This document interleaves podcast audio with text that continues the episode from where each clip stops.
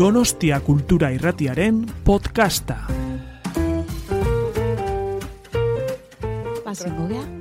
E, Arratxaldeon eta eskerrik asko emakume zientzialarien argitan zikloaren baz, gaurko saiora.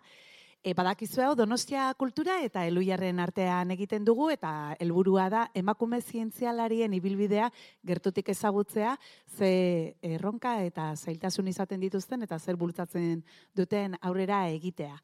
Eta hori ba lehen eskutik ezagutzeko privilegioa daukagu, gonbidatu ikaragarri onak izan ditugu orain arte, eta, bueno, maia horretan mantendu eta iotzeko, ba, gaur, Marian, hiri arte ormazabal daukagu, orduan, eskerrik asko zuri ere tortzeagatik, eta bai esko mategatik beti bezala, zori bai dela privilegio eta suertea, elu jarren Ba. ondo dakigu, ezakizula bai ezaten da, aprobetxatitegea. Entzuten da? Bai.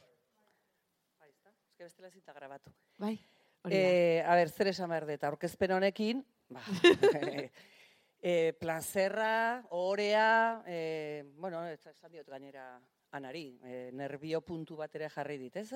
Gero jun behar dut eta itzegin behar dut, eta bueno, alako maila batean jarri nauzu, bueno, emakume, zientzialaria eta eta euskalduna gero ikusiko duzu bezala, bueno, euskararen inguruan ere gustatuko litzidak zerbait esatea. Bai, ze bada zure ezaugarrietako bat, eta baita ere, e, naiz eta ikerketa askotan ikusten den gizartetik aparte, ahalegin handia egin dezu beti, eta jarraitzen dezu gizarteratzen ba, zuen lana, eta bueno, gizartearekin harreman estua izateko bokazio hori ere badaukazu ez, divulgazioarekin eta konpromiso hori. Bai, bueno, divulgazioan hasi nintzen, ba ez dakit, ez dut ondo gogoratzen eh, noiz, egia esan.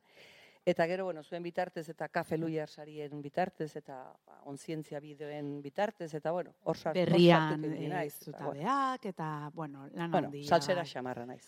Hori da, eta gu horretaz aprobetxatzen gea.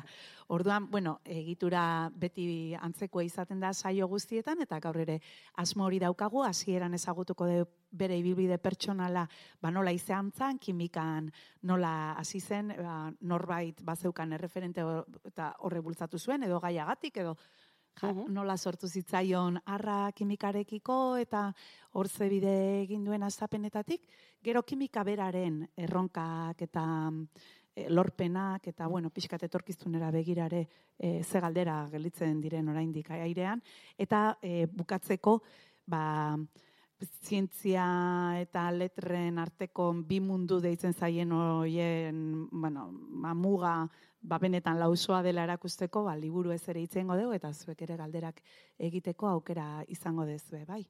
Orduan hasteko, ba esan deu, e, nahi dola Bai. ezagutu nolatan hasi zinen kimikan, kimizefa jaso zenuen Ez, ez, noiz baita ez, ez, oparitan. kimizefa ez. Bueno, nire aizpa hor dago eta berak badaki ze zefa jasoko duen bere semeak hemen gutxira. Ez da kimi izango beste bat. Beno, e, nola e, iritsi nintzen kimikara, bueno, ba, nik e, Santo Tomas Lizean ikasi nuen, eta lehenengo gauza egin beharko dudana da nire gurasoei eskertu, mila aldiz eskertu, ba, garaiai eta mila bederatzireun irurogeita marrean, donostian, ba, ikastola bakarrenetako bat, Santo Tomas Lizea zen, zegoen egoeratan zegoen, hau da, bueno, ba, ni maz, lehenengo hiru edo lau urtetan, uste lau ikastetxe ezagutu genituela. Ibiltzen ginen, urte batean e, aieten, urrengoan e, paseo bizkaian, bueno, tokatu zen horrela. Ikastola ibiltaria. Bai, eta bueno, ni orain jartzen naiz nire gurasoen e, epe, larrua zalean da esaten dut, ez dakit nik nire seme alaberen bat e, horrelako baldintzetan dagoen ikastetxe batean matrikulatuko tenuken, ez? Da, bueno, horregatik oso, oso eskertuta nago, horrek uste dut gauza asko mugatu dituela nire bizitzan. Eta bueno, ba, Santo Tomas Lizean mila bederatziron da laro gehiago bukatu nuen, eta ordun ba, zer ikasi. Ordun zer ikasi, egia esan, e, nei orain esaten diatenean, ba, adibidez, e, unibertsitateko orientazioz azoketan etortzen dira gurasoa, galdezka, eta semea, eta ez dakiz zer. Que ez dakiz zer ikasi, que... Nik ez nahi zu esatea, nik ez nuen inoiz garbi ikusi amar urtekin, ez amabikin, eta ez amasekin, zer ikasi nahi nuen. Behar bada, garbiago naukan, zer ez nuen ikasi nahi, ez? Eta zertzan bat ala bestea, gehien bat, ez zertan zabiltzen, zertan ikusten duzu zure burua eroso, ez? Eta nik, bueno, ba, ikasle on xamarra izan naiz, baina egia da, ba, matematikak eta kimika eta fizika eta horrelakoak, erresakoak gertatzen zitzaizkidan, eta uste dut dela, ba ez nuelako buruz ikasi behar, ondo ulertzen dituen, eta orduan niretzako erresagoak egiten zitzaizkidan. Orduan, zientzia, garbinukan. Eta beste, beste arrazoia, donostia. Nik edukan inungo gogorik eta asmorik donostitik ateratzeko. Beste batzuk izaten dute alderantziz, ba, ez nik nahi nun donostian. Eta orduan, ba, bi baldintza horiek ipintzen bali dituzu, ba, ba hor nago. Vale? E, zaiatu naiz kimika fakultate zaharraren kimika fakultate zaharraren e, irudi bat aurkitzen, baina ez eta aurkitu. Tardun. Ez nekin etorri bertzen dunik. bueno, eta fakultate zahar horretan, ezke orain ez dut ondo gogoratzen, orain ez dakit zer dagon. Ondoren badakit egon zen Instituto de la Construcción, utxik dago. Bai, ez? Bai. Aha. Vale. Ez dago, vale.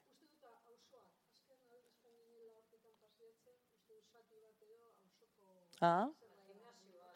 Ah, bai. Ah, vale. Eta fakultate horretan, ba, fakultate hori sortu zen mila bederatziron dero gita, ma bostean.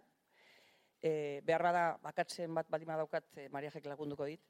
E, eta zergatik jartzen dut hor polimeroak, ba, fakultate hori sortu edo bultzatu zuen pertsonarik eh, nagusiena izan zen Gonzalo Martin Guzman, guk Don Gonzalo deitzen genion.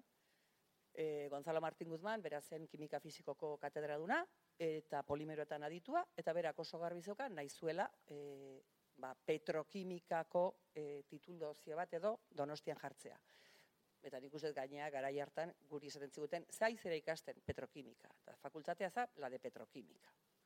Ba, gero, ez, hemen dago nere lankide bat, kimika ikasi zuen anerekin, eta berak petrokimika egin. Baina, bueno, e, esango genduke, eunetik laro gehi amarrek aukeratzen genuela polimeroak, bale?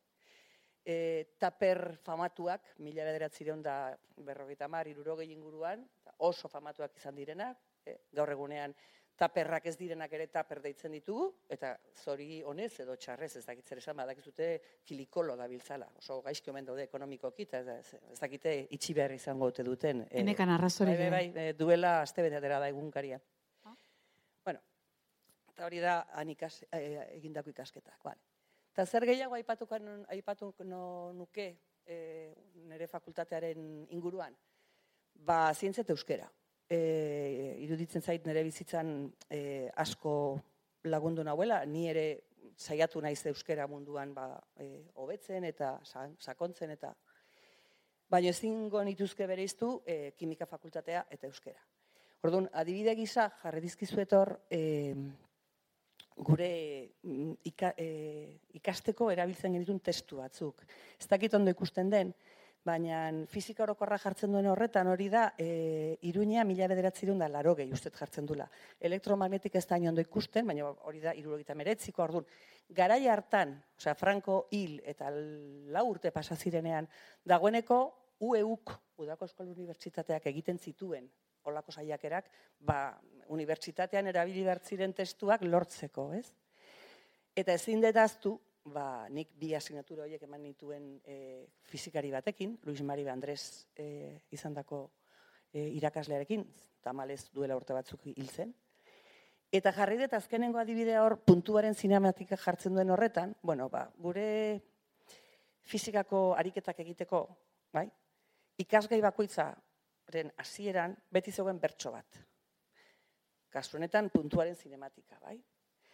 Eh, Guaz eginean mila bederatzen da laro gehian, altzan, idea bat eukide zuen, fizika euskera zemateko aukera izan gendun, aukera esango dut, ziur nago, Luis Mari Bandres eta beste irakasle batzuen, e, bueno, haiek implikatu egin zerelako, oza, ez zegoen inungo e, beharrik horrelakorik egiteko, ez noski.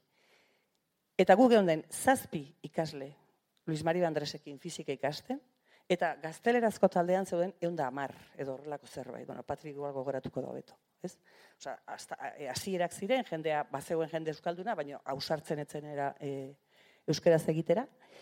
Tardun zazpi katu hoien artean ikasgai e, bat asten den bakoitzean gure bertsoa agertzen zen. Eta Luis Mari Andresek esaten digu, e, abestu egin behar dugu. Nola abestuko dugu. Venga, bota, bota doinu bat. bueno, zazpiok inoretzan ausartzen ez esatera lotxa lotxa eginda emezortzi urtekin, eta ez dakit nork esan zuen azkenean. E, Pello Josepe. Bueno, Pello Joseperen doinua erabili gendun liburuko e, gainontzeko bertso guztia, berkor, urrengoan, ta ze doinu, Pello Josepe. Bai? Orduan, imaginatzen, a ber, eh, nola izango litzateke hau. Era, ta, ta, ta, ikasi nahi baldin baduzue, zertan dena bia duran, begiratzerik, begiratzerik, baino ez dago formula horren itxura, denborakiko derivatua, posizioaren kontura, ondo ikasi bestela gero galduko duzu logura. Eh? Ba, horrelako bat zeuen eh, ikasgai bakoitzaren hasieran, orduan, bueno, fisika, ez dakit asko, bueno, ez dakit asko ulertzen genuen, baina, bueno, bertxotan eta ibiltzen gina pixka bat. Jo, ba, hau, e, aurkikuntza ikaragarria da, ze, badauzka... E, nik liburu horiek badauzkat. Eh? Bai, bertxo, bertxoak eta, e, ba, adibidez, e, ai, nola da, ene ba, e, bizkaitarra bertxolaria eta matematikaria, ba, badauzka e, matematikako kontzeptuak azalduz Horrela. bertxotan, Ja. baina gaur, osea, guain, eta pentsazuek ja guain dela zenbat urte. Bueno, ez dakit ja bazen ziren bertsuak, eh? ez dakit Luis Marik azalpenak. egindakoak ziren edo nondik ateratakoak ziren. Jo neuria. Ah, Jo neuriak, dauzka, ez esan behar diot, eh? bueno, ba, orduan, a ber, e, nire ustez, Udako Euskal Unibertsitateak egin zuena, Eluiarrek egin zuena, eta e, UPVH-uk orokorrean ez dakita inbeste, ba, oso handia geralako, baina kimika fakultateak egin zuen Euskararen alde eta zientziaren inguruan, nik uste txalotzekoa dela, garai hartan, mila bederatzi dut Eluiarreko sortzaia, danak zetozen kimikako fakultatetik eta informatikako. Ah, bai, bai, bai, bai, gureta, bai. Sorrerakoak. Bueno, eta hori zan pixka eta aipatu nahi nuena, e, eta hemendik aurrera hasiko nintzateke ja, Bai, bueno, itxoin nik badazkat, aztapenetako, bueno, aztapenetako eta bilbideko e, galdera batzuk, eh? O, bueno, baitare, ba, hori izan deulako. Em, ba, e, topatu zenuen giro euskaltzalia, orduan bat egiten zuen zure go- gogoekin eta bazenuenarekin, baina bestela e, alderdi akademikotik eta profesionaletik ere asebete zintuen e, ikasten zenuenak eta ikusten zenuen hori aplikagarria zela, eta gero hasi zinenean ikertzen eta nol- nola izan zen hori. bueno, e, Espektatiba bete ziren, saltasunak eh, topatu zenituen, esperotzen dituenak. e, bestelako kimika fakultatetan, pentsatzen dut antzera gertatuko dela, baina, bueno, gurean behintzat, e, hainbeste ordu sartzen genituen laborategian. Ba, lehenengo mailatik hasita laborategian ikustetzen duen, ba, zenbat ordu sartu, e, nola egin behar ziren erreakzioiek, edo beste sintesia, edo karakterizazioa, edo dana delako ordun hain gertutik ikusten genuen, eta hori lehenengo urtetan baita ere, baino ja adibidez, e, laugarren da bosgarren mailan e, askotan erabiltzen ari ginen e, gure taldeek, edo bueno, e, ikerketa taldeek erabiltzen ari ziren e, teknika edo tresna esperimentalak. Osa, ez zegoen bere iztuta hau irakaskuntzarako eta beste hau e, ikerketarako orduan. Gaur egun praktikak direnak, zuek ja ikerke, ikerketan. Bai, orduan, ez zegoen ga- bietarako, orduan, praktikak ziren, guk ikusten ari ginen e, tresnak eta materialak ziren, ikerketak taldeek erabiltzen ari zirenak, ez? Orduan, pauso oso naturala zen. Bai. Ezta? Eta tesia egin zenun kimika herrikoiari buruz. Bueno, zuk esaten bali hori. Kimika herrikoia. Kimika herrikoia eta baserrietako kimika eta olako gauzak itxuraz. Txantxetan ari zera. Ez benetan, topatu dut hor int- Ez. internetek ez badu gezurrik esaten? Ez, por txantxetan ari zera. Esango banizu bere, bere izenburua, ber, elkarrekintza sendoak dituzten polimeroen nahazteak, edo horrelako Ba, ez dauka, ez dauka Ez? antza, así. antza hundirik orduan. Ez, ez. Osa, ez baserri mundua, gaina ni oso kaletarra nahi, oso kaletarra bai, naiz. bai, bo, atentzioa eman dit eta horregatik apuntatu dut. Ba, bueno. Ah, ba, ez, ez, ez, ez. Ba, Chat- baino ChatGPT, lehenago ere ah, ah. orduan gezurra saltzen Ba, da hor interneten, ez da, badaude hor buluak ondo do argitzea. Norbait topatzen badu, hori ez da horrela, ez da? Eta erreferenteak aipatu dituzu batzuk, esan dituzu, ba, bai, ba, hasi zinatenian, em, ba, don eta, bueno, gero, Luis Mari Andrés, eta, eta bazen dituen emakume referentiak bazeuden, Euzuek izan zinaten lehenengoak igual, ez?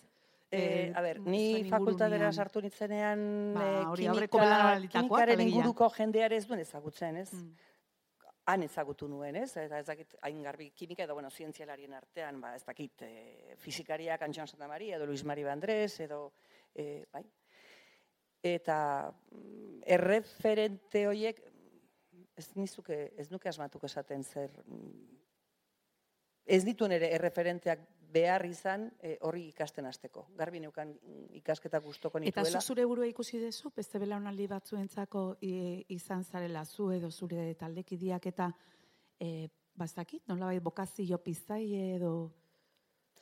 Bueno, e, emakumeak zientzian e, urtero egiten den badakizute ez, e, saio edo, bai, jardun, jardun hoietan, jardunaldi hoietan, E, nik antzematen dut adibidez nire fakultatean, ni, ni, bueno, ni ja urte batzuk dauzkat noski, eta ni baino gazteagoak diren asko eta asko e, oso erreidibindikatiboak direla esan ez bezala, e, ezberdintasun nabarmenak daudela oraindikan ere, gizonezko eta emakumeen artean, eta nik hori ez dut ikusten.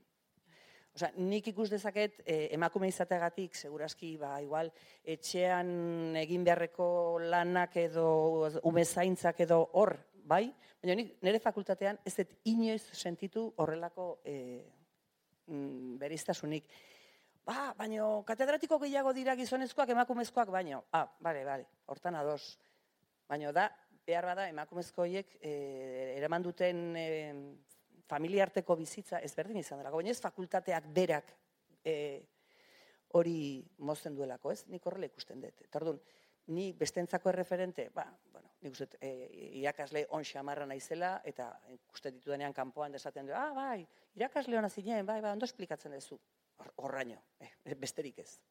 Bueno, zure ikaslia kafe luiar sariak ere irabazi ah, bai, bai, bai, izango, bai, bintzat bai. zerbait ikasiko zuten, bai. adierazten ere.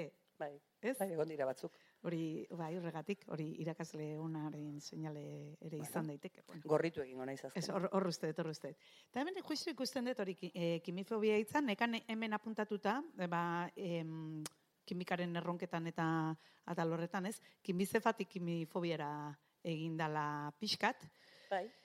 Orduan bai. ere e, izango ziren, hauen dela marka da batzuk, e, kimikarekiko ba, errezelua edo zeukatenak, baina mm, badirudi, igual, hori areagotu indala orduan, hemendik aurrea, ba, vale. hori nola esplikatzen dan, eta... Bai. Bueno, eh, ni egia esan, ondo nago hemen, ez dakit, jekitzeak beriz, ba, honekin moldatzen naiz. Bai. Ondo, ondo. Eh, Anak esan zidanean, ba, gero em, pixka bat azaltzeko ba, zientziaren edo kimikaren erronkak eta egia esan, bof, enekien oso ondo zer, zertaz aritu. Eta e, burura etorri zitzaidan lehenengo izan zen, e, bueno, e, asko arduratzen nauen gai bat, eta da, kimifobia. E, kimi e, aurre, aurrizkia jartzen duzun momentuan, esan nahi du, txarra. Jo no kiro kimikos, kimikos ez e, kimikariak, baizik eta produktu kimikoak, ez? Ba. Eta, bueno, kimikorik gabeko, eta esaten, bueno, a ber, kimika, kimika bizitza da. Kimika leku guztietan dago. Kimika. Ez que ezin da, ezin da ulertu, ez dakit fotosintesia gertatzen da kimika dalako, dena da kimika, ez?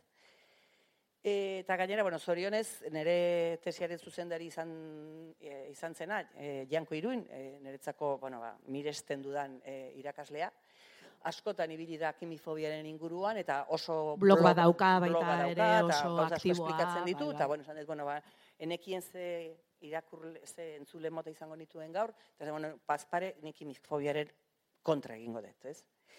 E, ze arrazoi daude kimifobiarentzako? Ba, bueno, a ber, lehenengo pixka bat e, jarriko nituzke kim, kimikaz hitz egiterakoan hainbeste gauza esan daitezke, ez? Azkenean egin behar dezu nolabaiteko, bueno, ba, aukeraketa bat, ez? Eta, bueno, hau pixka bat ere erabiltzen dugu gure ikasle berrientzako ba, azaldu nahi diegunean, ez? Bueno, ze, ze gauzetan, zerbait e, aukerak eta bat egin ezkero, ba, ze gauzetan e, azpimarratu daiteke ez, ba, kimikak zen baterainoko garrantzi izan duen adibidez, ba, e, evoluzioan, ez? Kasu honetan izango litzateke, e, hemen daukagun aleman hau, Justus von Liebig, vale, ikusten dezute, emeretzi garremendekoa dela, kimikari organikoa zen, izugarrizko lanak egin hemen zituen alor horretan, eta nagusiki eh, ongarrien eh, munduan, ez?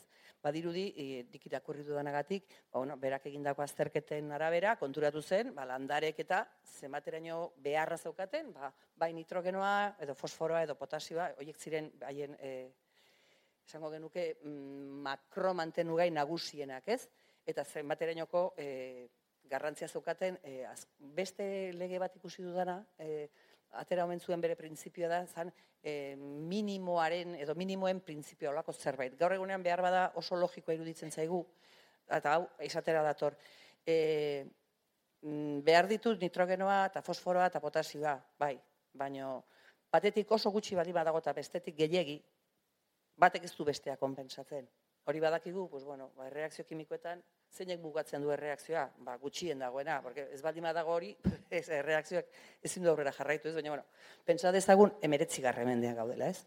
Orduan, adibidez, eh, on, ongarriak eta modu sintetikoan eta gaur egunean ezagutzen ditugun moduan e, lortzeko, ba, lehengo pausuetako bat izan ziteken hau, ez? Emeretzi garren mendean.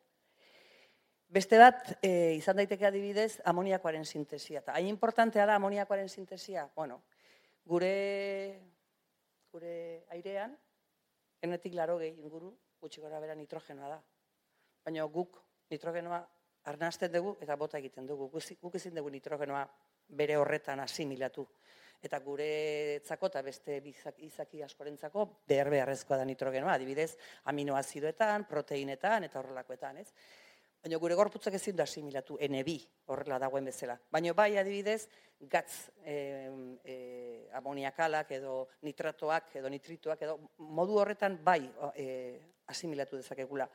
Eta modu bat amoniako eta bere ondorengo guztiak lortzeko izan izan daiteke hor dagoen erreakzio simple hori kimikan ikasle batek ikasten duen lehenengo erreakzioteko bat, ez?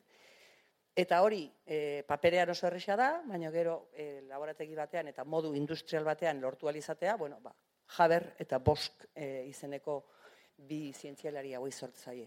Bai? E, adibiderik tipikona, tipikona, tipikona da, e, osasun gintzan. Bai? E, aspirina daukagu hor, ezkerretan, bale? izango da, ba, segurazki mm, ezagutzen den zakit, botikan famatuena edo ospetsuena, ez? E, badauzka bere aldekoak eta bere kontrakoak noski, ez? Baina, bueno, uste ezin dela eztabaidan jarri zenbaterainoko garrantzi izan duen gure eguneroko bizitzan, ez? Mm, aspirina, sats, zuritik atera daiteken zerbait da, uste bere izen horti datorrela, saliziliko, salix, ez dakizer, latinez izango da, ez? E, Baina azido salizilikoa bere horretan e, e, oso antipidetiko ona da, oda, guk erabiltzen duguna sukarraren kontra, e, analgesiko moduan ere bai, baina arazo txiki badauka, dekan ere aspirina guztira e, konpondu ez duena eta da, e, gure lixeria aparatuan oso, oso, oso gogorra dela, ez? Orduan, bai, e, erabilizitekeen, esaten dute ez dakitegia dena la ez Hoffman Hoffman da Bayer etxeko e, kimikaria lehenengo aspirina e, sintetizatu zuena. Bere aitak erabiltzen zituen auskalo. Sats zurietatik ateratako bueno ba landare batzuk edo holako zerbait eta horrentan oinarrituta egin omen zuen baina bueno ez dakigu ze materainoko ze materaino dan egiala ez. Baina bueno berak lortu zuena izan zen azido saliziliko horretatik bueno ba ez gara kimikan sartuko, baina e, azetilo talde bat sartu zuen, eta bihurtu zen azido azetil saliziliko aspirina. Eta badirudi, ba, gure urdailean askoz ere e, erosoagoa omen dela bezkarai bateko azido salizilikoa baino, ez? Adibideak, milaka daude, e, ez dakit zer esan, ba, e, hormona, hormona sintetikoak, edo antisorgailuak, edo, bueno, analgesiko guztiak, ez? Eta gaur egunean hori guztiak la, sintetizatu egiten dira laborategietan, ez?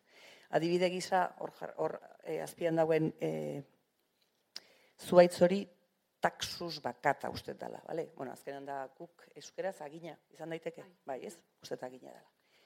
Eta taxus bakata horretatik, atera omen daiteke e, minbiziaren kontrako e, sustantzia. Baina, zenbat taxus bakata e,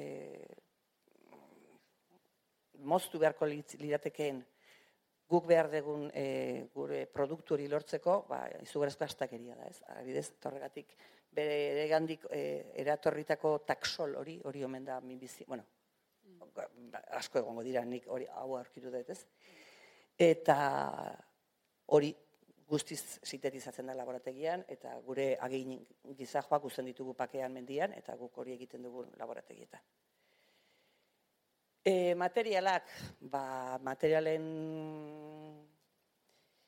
garapena, materialen desarrolloa izugarri izan da. Osa, ez dugu ezagutu edo pentsatu garregungo mundua material berri hauek gabe ez. Bueno, antzematen da ni polimerikoa naizela, tardun polimeroek daukaten garrantzia azpimarratuko nahi nuke. E, auto, autoetan adibidez, osea, autoak dira askoz ere harinagoak, metalaren ordez erabiltzen ari dira plastikoak.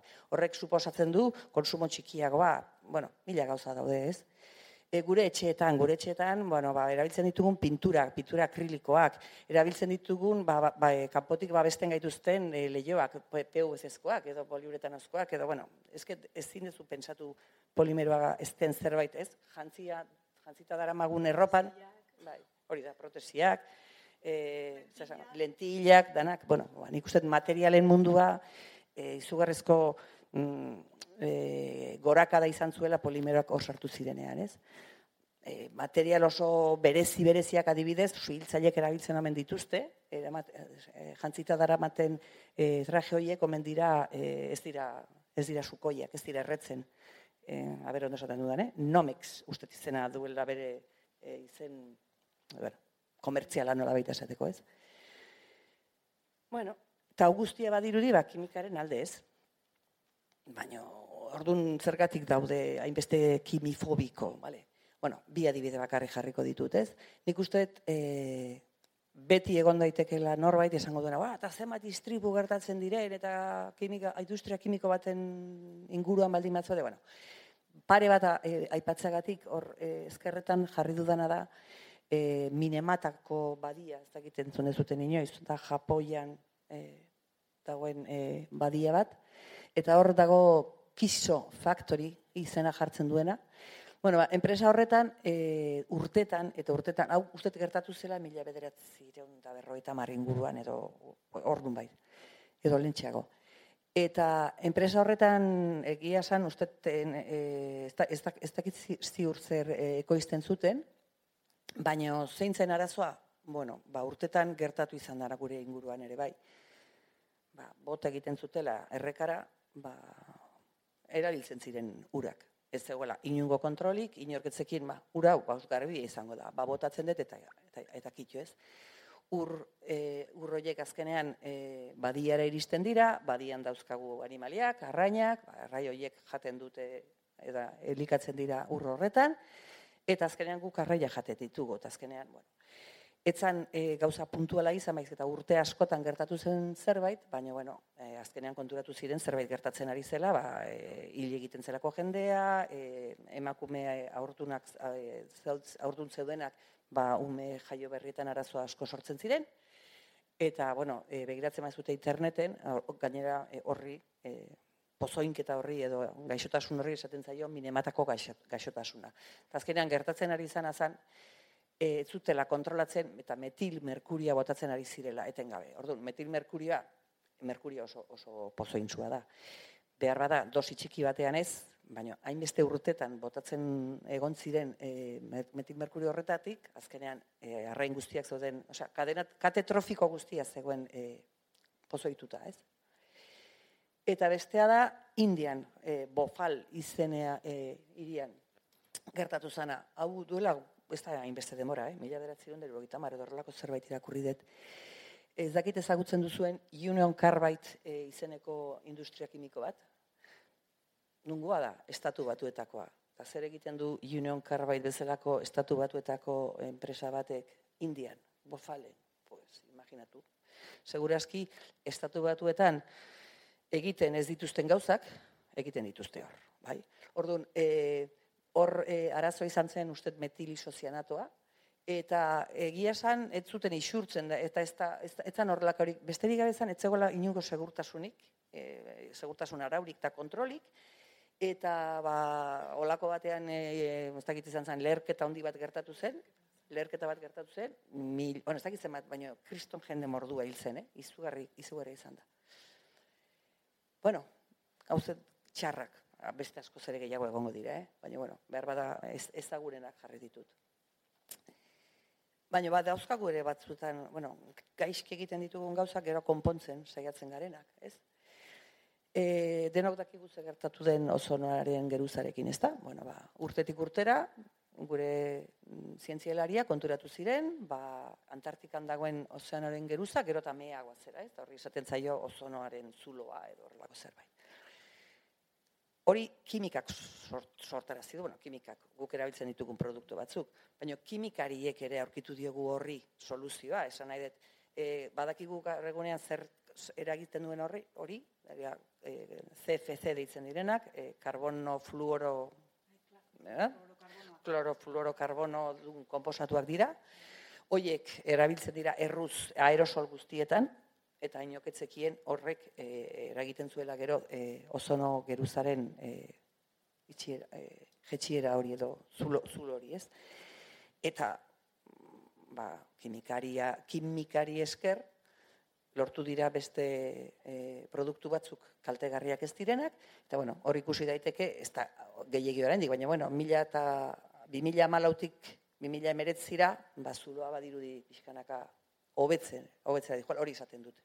Bai, bai, bueno, eta e, atzera begiratutare ja. are gehiago, eh? Bilakaera begiratzen anima da en, mila beratzen dela erogeita ama iruan uste ez? ama bilan sinatu zen Montrealgo hitzarmena eta bai, nabarmen ikusten da, eta askotan jartzen da eredu ez bakarrik em, kimikak lortu zuelako ordezko bat, eta aurkeztia, indu, or, askotan izaten delako espada beste alternatibarik, ba, industriak ja berez sortzen duen zerbait eta produktu horretarako menpekotasuna ja balma daukagu nola egin. Kasu honetan bazeon, baina ez hori bakarrik.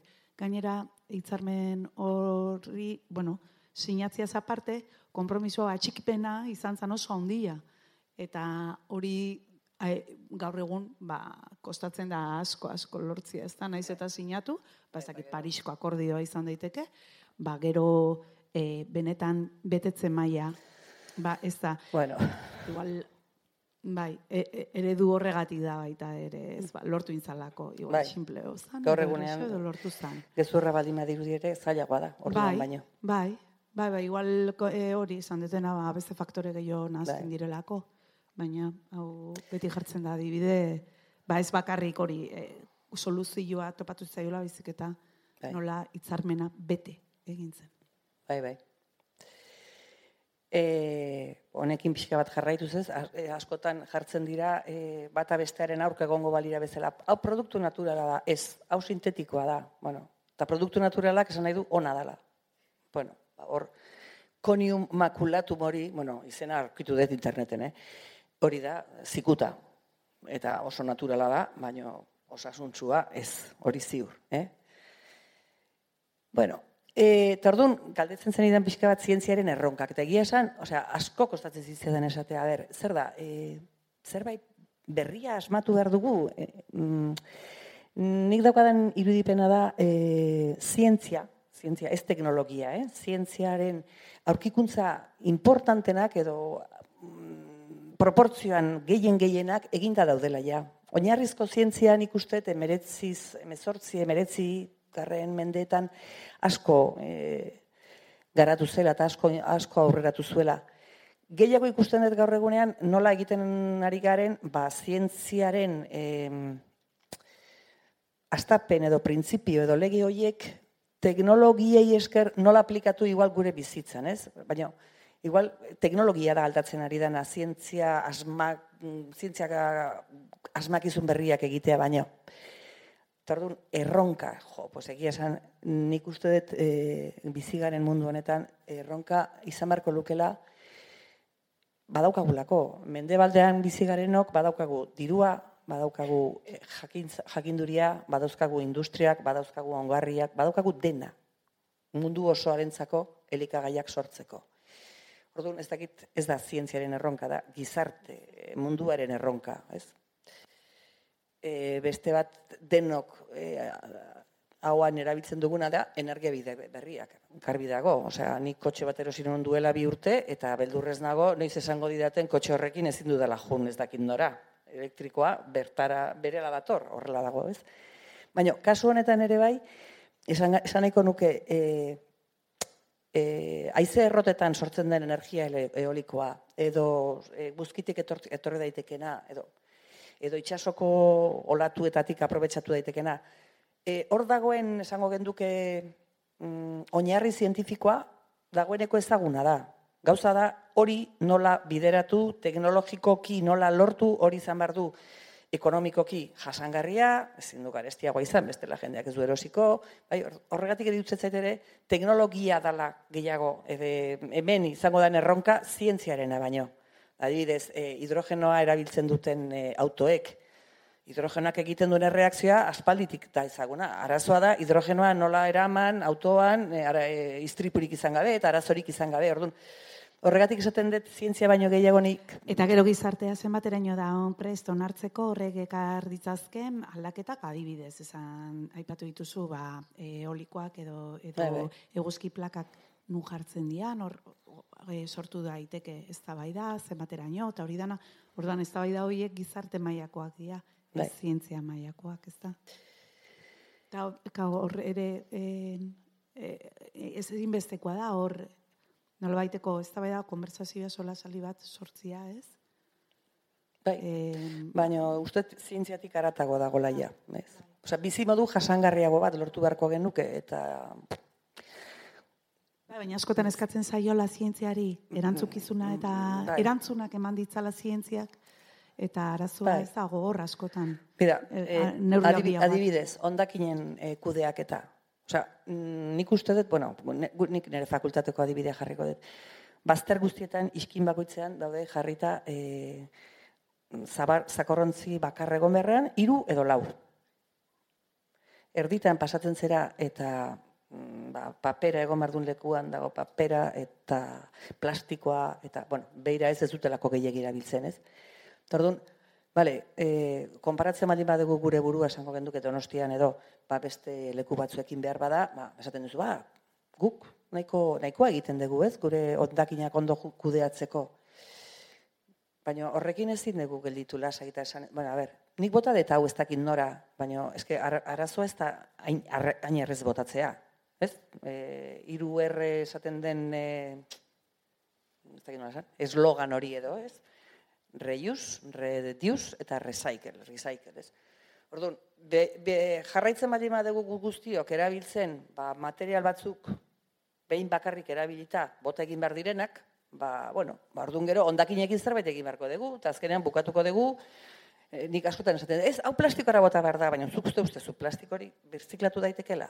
Bai, behar bada, e, bernel edo sua- suavizante pote, potoloiek, ba, bai, bere iztu egiten dira, baina zuk erabili dezun filme hori, filme horrek ez du inun bukatzen, bukatuko du er, errauskailuan, ez dago besterik, ez dago besterik. Ez? Orduan, bueno, irutzen zait gehiago dela gizartearen e, erronka bat, eta hori ikasten ez dugun bitartean, ba ezin dugu esan gainera ez, eta errauskailua gainera ez dut nahi. Bueno, ba, errauskailua beharko dugu bai ala bai, bestela zer egin behar dugu. Nola, ez dakit nola esaten den inglesez, baina en, en mi patio no. Eh, Dauka, not in my... Hori da, not in my... Ez? Ze bat gauza dauden, bueno... Eh, Neri, eh, neri energia eoliko asko gustatzen zait bai, baina jartzen baldin maidazu aize errota, ba, nere etxe ondoko mendian, bon, ja, etzaitan bestere gustatzen, ez? Batzuetan tanatoriokin ere gertatzen da. E, tanatorio ere, etxeko, etxe aldamenean ez. Gauza, lasaiagoa tanatorio bat baina. ez? Ez gogoan daukat, e, nun izan zan, trintxerpen. Hor, e, a- e, arazola e, larriak izan zituzten, eta e, ez, ez zegoen errauskailurik da zer, bakarri izan tanatorioa, ba, eta ez zuten nahi, bizilagunek. Eta zergatik. Bisita asko jasotzen dituzten, Bueno, kotxeak bueno, aparkatzeko eta bai, bai, hori horre izango da. Bueno, eta honekin, e, bueno, izta, lehen, lehen aipatu dudala, ez? Hau da, e, iruditzen zait, e, bizi modu moderno honetan, aurkikuntza zientifiko interesgarri asko baino gehiago, gehiago dala teknologian, e, teknologiak ematen duen e, aurrerakada edo, ez? Adibidez, e, hor ikusten dugu ba, abiadura kontrolatzeko erradar bat. Hani, esan zidaten erradar horiek e, e, oinarrituta daude, edo hoien oinarria omen da Doppler efektua. Eta Doppler efektua fizikan nik aspaldi entzun nuen, ez? Trena sartzen denean e, geltokian gelditu gabe nola bere frekuentzia aldatzen duen, da guk entzuten dugun, ez? Bueno, ba, efektu hori oso azaguna dana, adibidez, erabili daiteke, e, teknologiari esker erabili daiteke e, abiadura neurtzeko radarretan, ez? Edo ultrasoinuak, bueno, ba, gure saguzarrek nola komunikatzen diren e, kobazuletan eta badakite aspalditik, bueno, baina hori ekografia batean erabilializatea, bueno, bada, teknologiak eman duen aurrerapen importante bat, ez? Kimikari entzat, adibidez, kromatografia, bueno, bada, aspalditik ezagutzen den teknika bat, oso, oso aztertua. Kromatografiak oso teknika potentea da, nahaste batean, baldin dauzkazu osagai ezberdinak, nahaste hori pasagarazten duzu euskarri batean zehar, edo, bueno, e, ikusi behar da nundi pasa, eta lortu dezakezu osagaietan bere iztea. Hortik, gaur egunean erabiltzen diren fetirrak, edo erresonantzia magnetiko nuklearrak, edo eskanerrak, edo, bueno, teknologia da, osea, kromatografia bera ez da inbeste aldatu. Aldatzen dana da, bueno, ba, gaur egunean dauzkagun detektorea, gaur egunean dauzkagun prezisioa, eta Eta horrekin jarraitu, zaibidez, polimero berriak, ba, nik ez dut uste polimero berri asko sortuko direnik. Hau da, polimeroak azkenean kate luzeak dira, kate horietan nagusiki karbonoa dago, karbono eta hidrogenoa, eta gero beste osagai batzuk. Eta hor egon daitezkeen e, funtzio taldeak edo e, reakzio kimikoak ja, ja, denak ezagunak dira. Zertan etorriko da berrikuntza, ba, seguraski polimeroiek lortzeko erabiltzen dugun e, lehen gaietan, ez? Biomasa erabili edo petrolea erabili. Eta lortzen ditugu polimeroak, ba, betiko izan beharrean, ba, biodegradatzen, e, biodegradatzeko almena izan dezaketenak, ez? Orduan, gauza berri handirik ez, baina ikuspegi teknologiko batetik nik uste e, horregon dela aldaketa, ez? Eta kimikarekin pixka bat bukatzeko, ba, eta bueno, gure fakultatean, master batean, kimika berdea e, erakusten delako, ez? Ba, jarrinea izan dut irudi hori, ez? Gaur egunean, kimikan, ez, dakit esango nuke, erreakzio kimiko berri asko sortuko te diren. Segurazki gehienak sortuta daude ja. Baina bai dala gure ardura dibidez, prozesu horiek egitea modu berdeago batean, modu jasangarriago batean. Alik eta ondakin gutxienak e, sortuz. Albaldima dira disolbatzaile organikoen ordez, ba, e, gure erabiliz. Bueno, Ari kondo daki, e, e, multxo taldekoek, nola, ba, beti erabiltzen ari dira ura, eta ez disolbatzaile organikoak, askoz ere jasangarriak badelako, ez? Eta hor ikusten ditut e, zientziaren... Izirik atzagatik, eh? Eta etzaizu iruditzen, en, guain gelditzen direla zientziak esploratzeko lekuak adibidez, ekaruna eta bere funtzionamendua? Bai, bai, bai, bai, bai, bai nik neurologoren bati entzun izan diot askotan e, ba, ebakuntza batean edo ba, xurgatu behar baldin badute ba, dagoen hemorragia edo batzuetan asko xurgatuta ere ez da zer gertatu eta gaixoa ondo esnatzen da eta beste batzuetan zeo zerok e, ikutu dute eta bai, orandikan ere alor horretan seguro.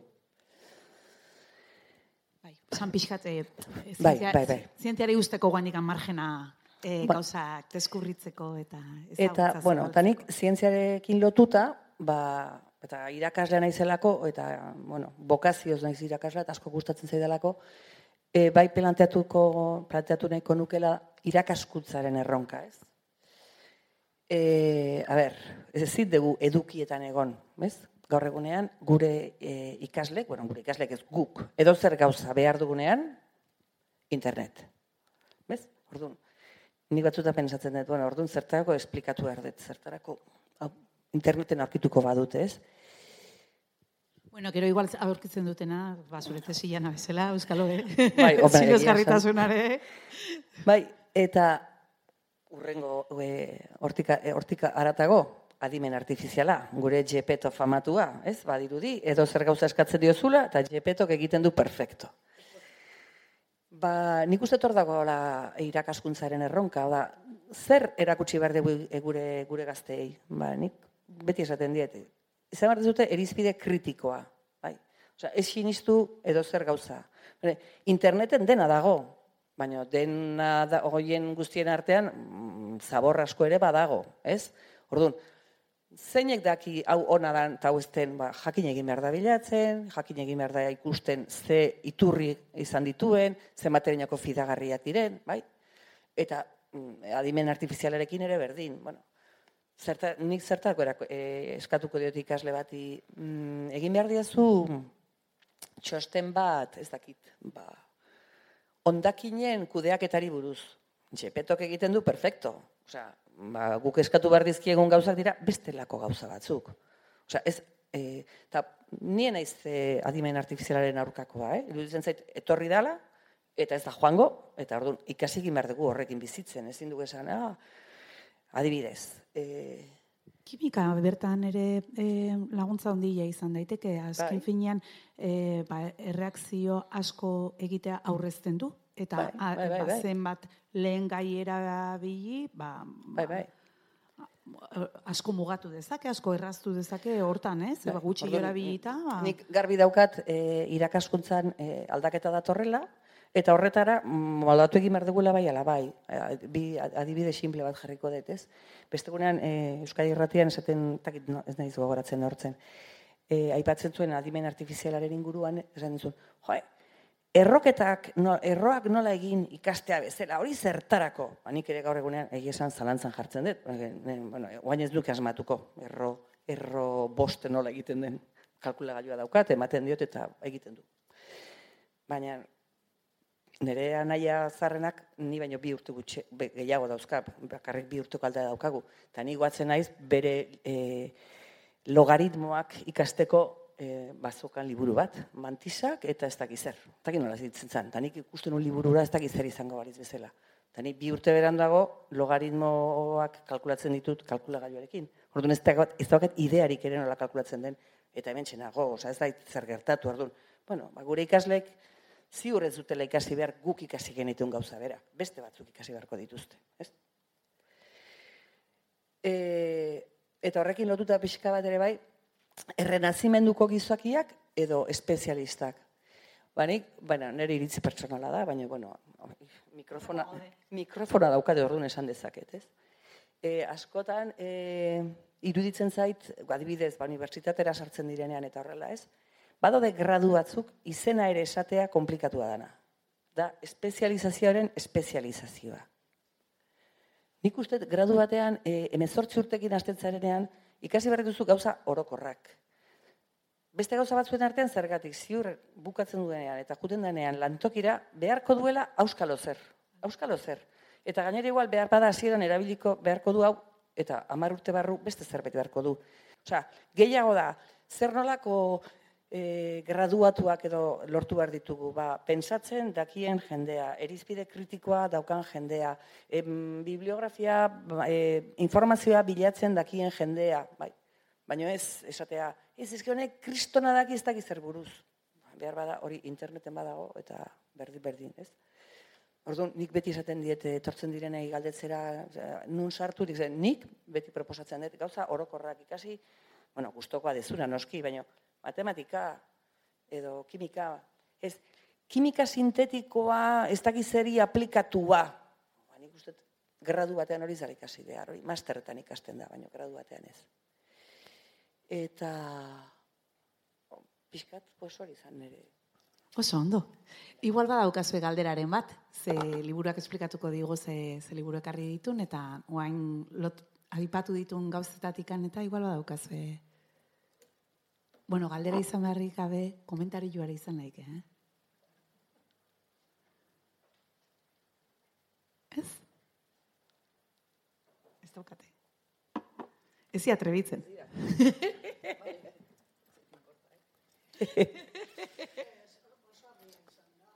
ah, bai, bai.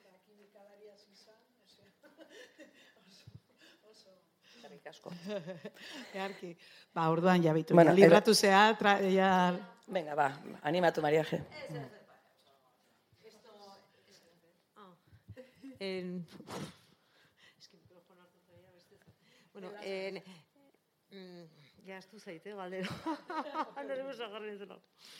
Eh, bai, en, hau da, eh, kimikari bezala zerronka daukagu eh, gizartearen aurrean kimifobiaren kontra egiteko.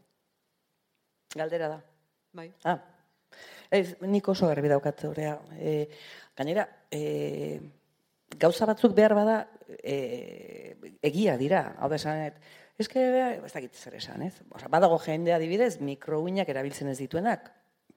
Eta nik e, jarriko nituzke, ba, nire kifiseko teorikoak, ze ondo esplikatzen duten, mikrouin labetan dagoen e, energia maila oso basua dela, eta fiatzen baldin bagera, e, beti hemen pegatuta daukagun e, sakeleko telefonarekin, eta mikrouinen labean pentsatzen baldin badegu zerbait gertatuko dela, osea, ez dauka inungo arrazoirik, ez? Egia da beste batzuetan igual geratzen zerela, jo, pues hori esan du horrela izango dela. Ez zaude ere ziur, beti esateko, ez, ez, ez, ez, ez, ez, kimikak ez du ezer txarrik egiten, noski, egiten ditula, nik beti esaten diet, e, kimikari esker lortuko dugu, e, ba, prozesuak gero eta txukunago egitea, eta garbiagoak izatea, oza, guk jarri behar dugu kontrola, ez?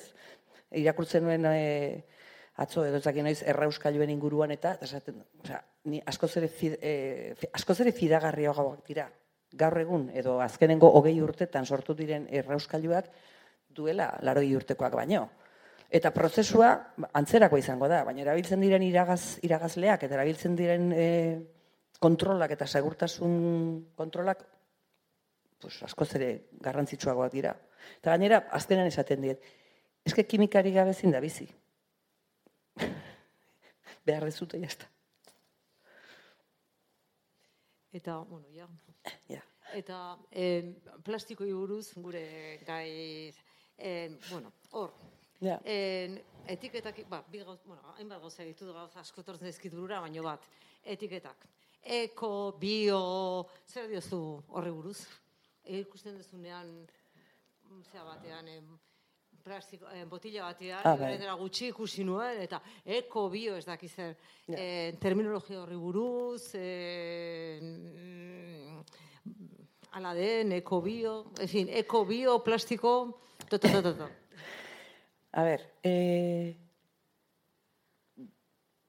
erabiltzen diren e, plastikoiek lortzeko, ba, petrolo erabili beharrean, biomasa erabiltzea, eta bueno, e, produktu horiek ja, e, e, prozesu hori ja oso garatuta dago, ez? Baina nik gero zalantza... Hainbat erabilerentzako bakarrik. Bai, bai. Baina gero, ba, zalantza sortzen zait, bai. Eta hau biodegradagarria da. Bueno, baina biodegradagarria da, eta bukatzen baldin badu ontzien e, katxarroan, pues, ez da ere, zakin dola esan. E, badode biodegradagarritasunaren inguruan, ba, nik ikusi ditut adibidez, e, ba, tesiren batian edo horrela, e, nola lortu, zuk e, erabili dezun polimeroa, jartzen duzu baldintza egoki batzuetan, eta esango genuke martxa atras egiten du. Eta berriz ere berreskuratzen da hasierako monomeroa. Ah, perfecto, orduan, berriz erabili dezaket, ez, oso ondo.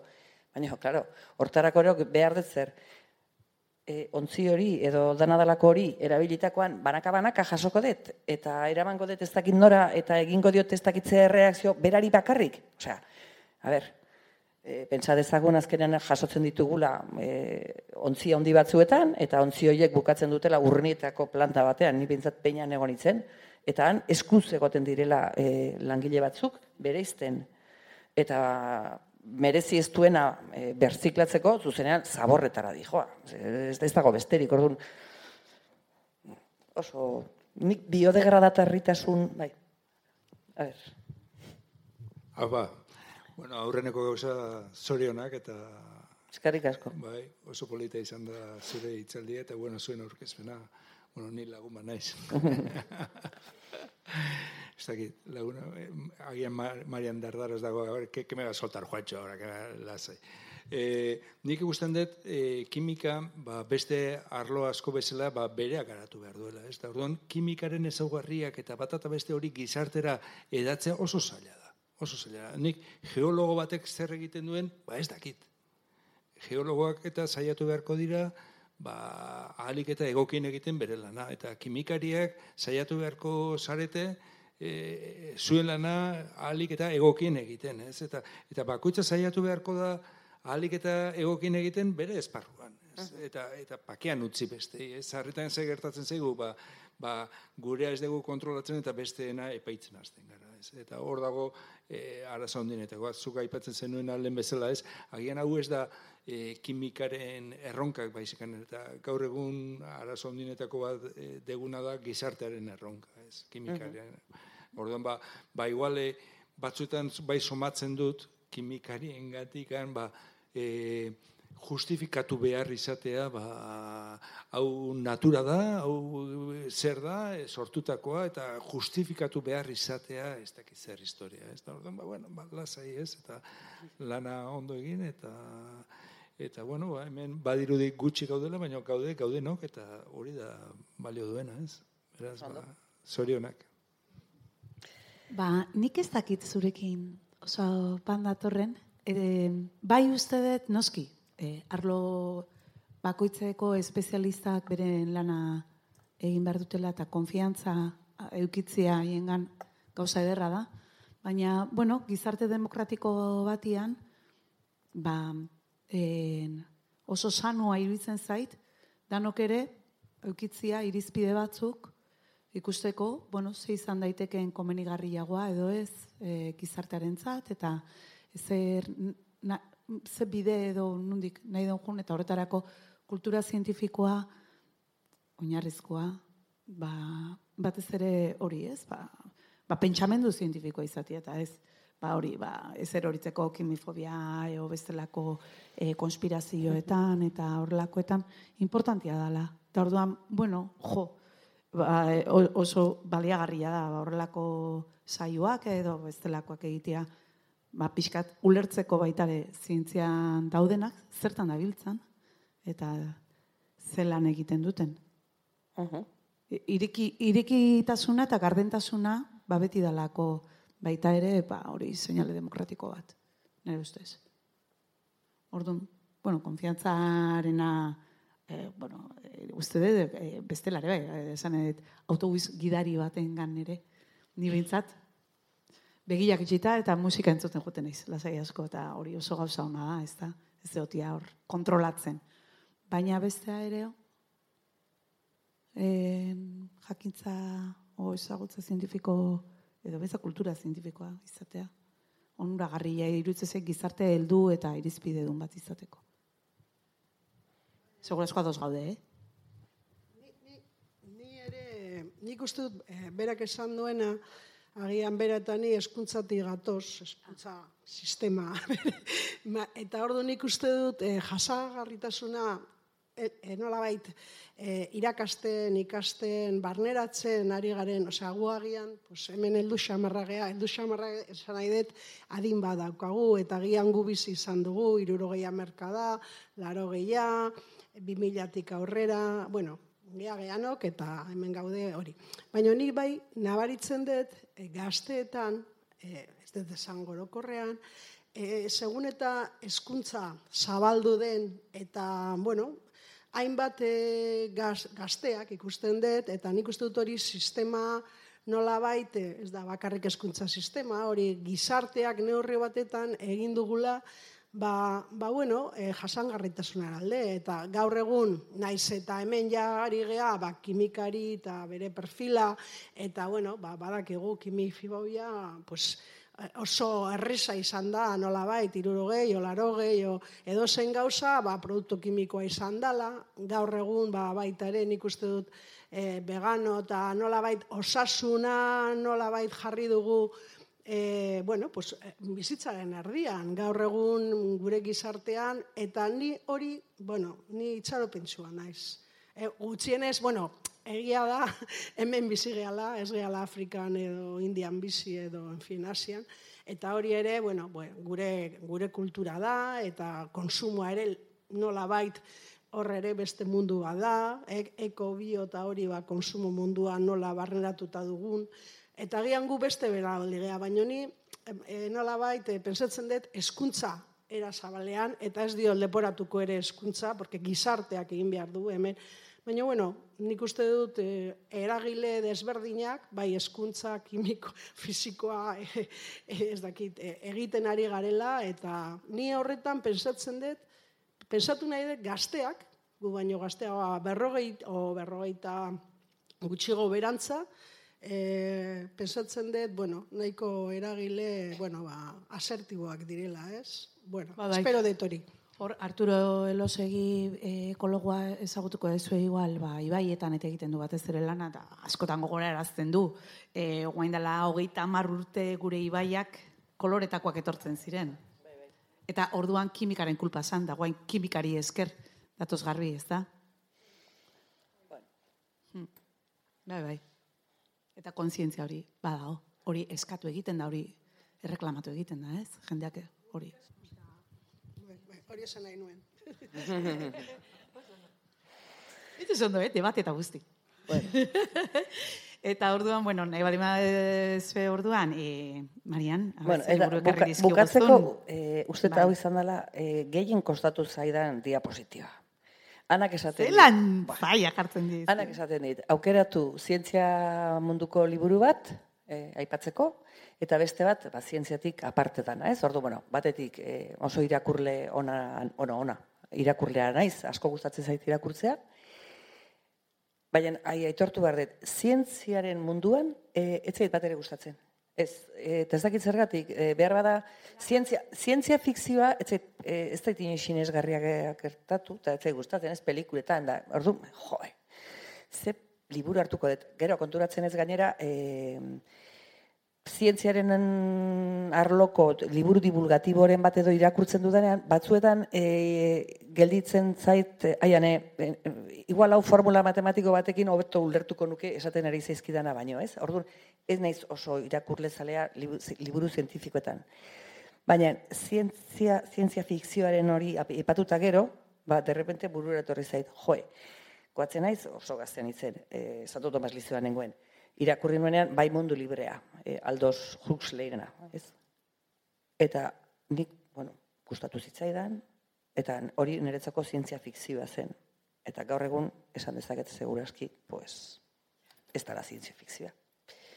Eta horregatik jarri dut. E, Bueno, da, eh, osea, super go, noski, jende guztiai gomendatzeko moduko liburua da. Bai. Ja, klasiko bihurtu da eta eta izan zen, ez dakit, ba, pixkat e, e, iragarle, ez da? Aha.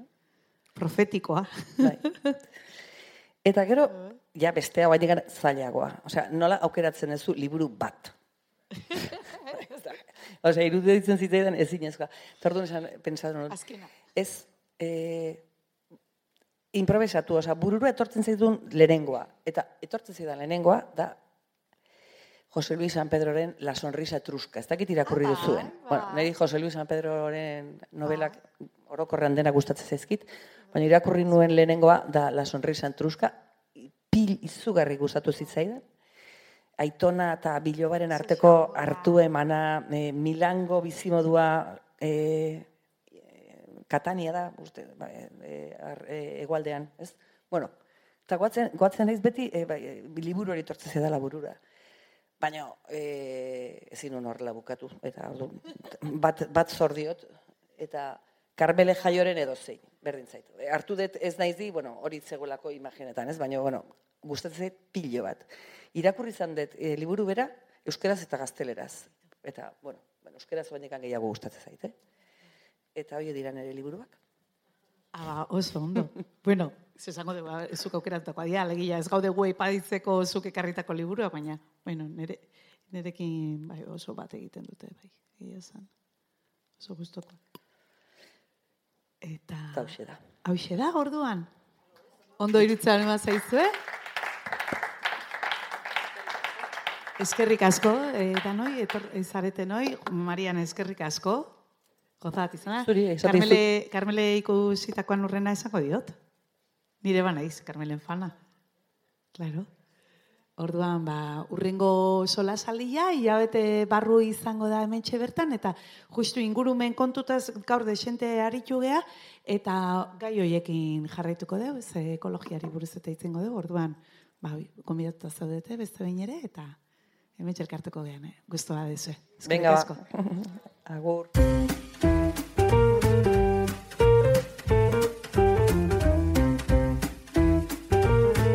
Donostia Kultura Irratiaren podcasta.